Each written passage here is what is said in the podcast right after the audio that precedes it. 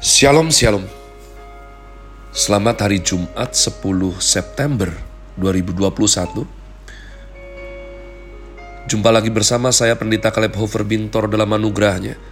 Penuh sukacita sampaikan pesan Tuhan melalui Grace Words yakni suatu program renungan harian yang disusun dengan disiplin.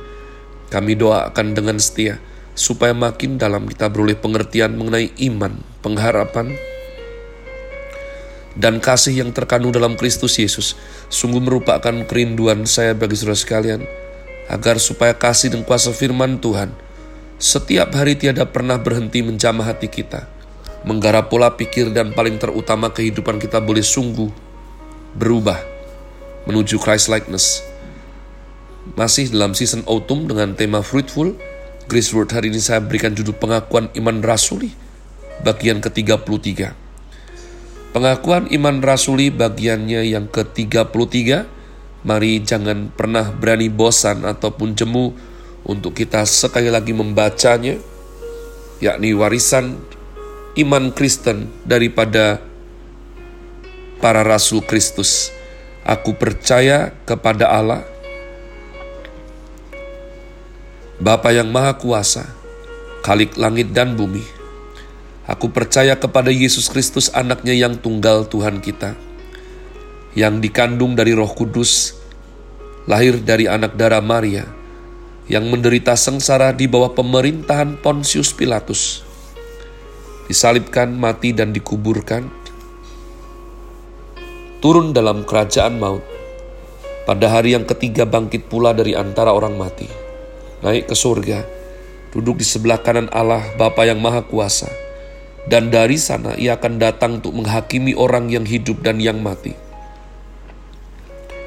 Aku percaya kepada Roh Kudus, gereja yang kudus dan am, persekutuan orang kudus, pengampunan dosa, kebangkitan orang mati, dan hidup yang kekal.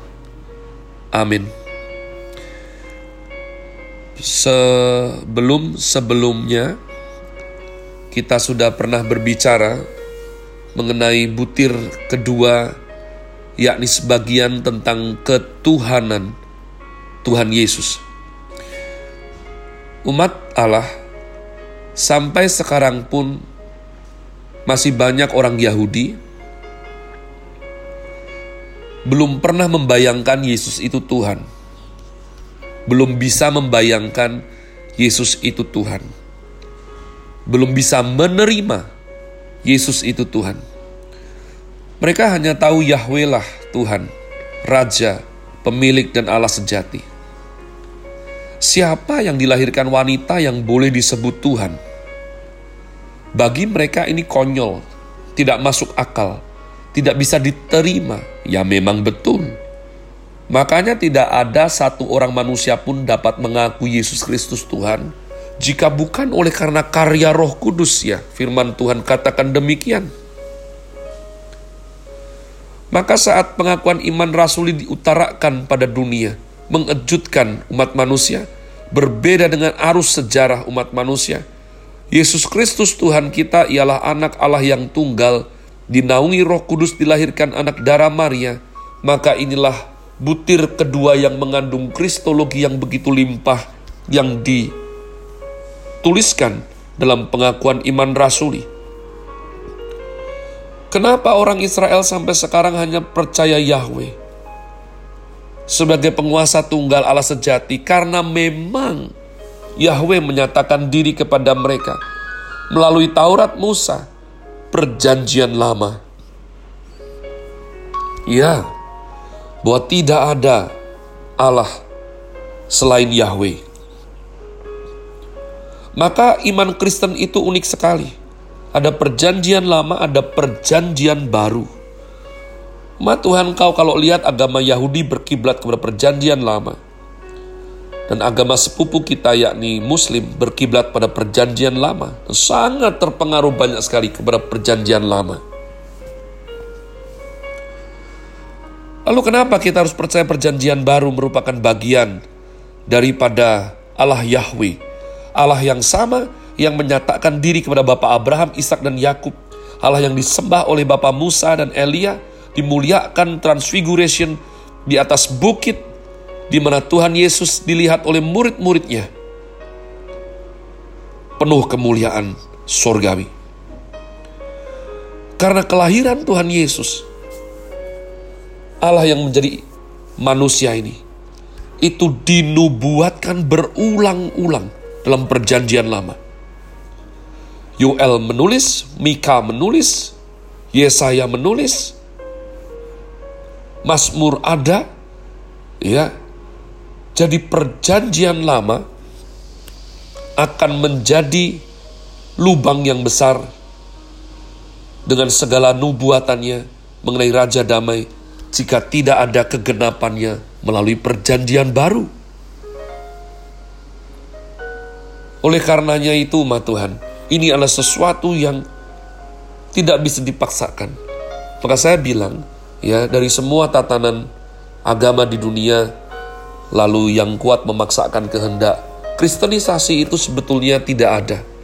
Karena walaupun mulutmu mengaku syahadatnya orang Kristen percaya, tapi ada firman berkata, mengaku dengan mulut percaya dengan hati baru baru sah iman Kristennya.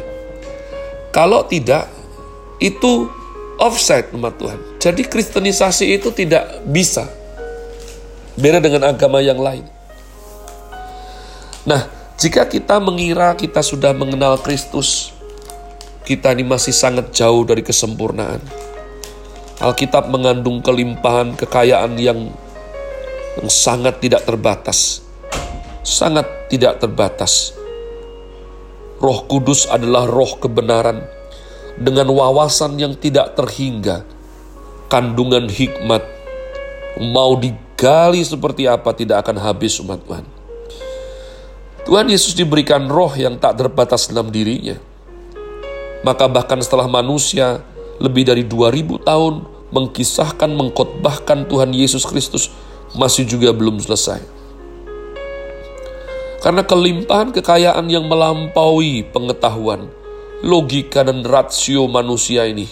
Dalam kitab Filipi dan Efesus, Rasul Paulus berkata bahwa tersimpan kesempurnaan kelimpahan yang tak terhingga dari hikmat Allah dalam Kristus Yesus Tuhan, putranya yang tunggal.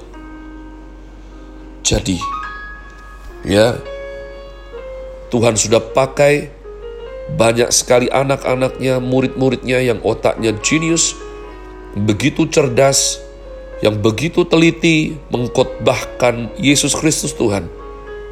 Tapi juga kristologi sampai sekarang masih banyak kelimpahan yang tersedia bagi engkau yang sungguh-sungguh haus dan lapar, rindu mengenal Tuhan lebih dan lebih lagi.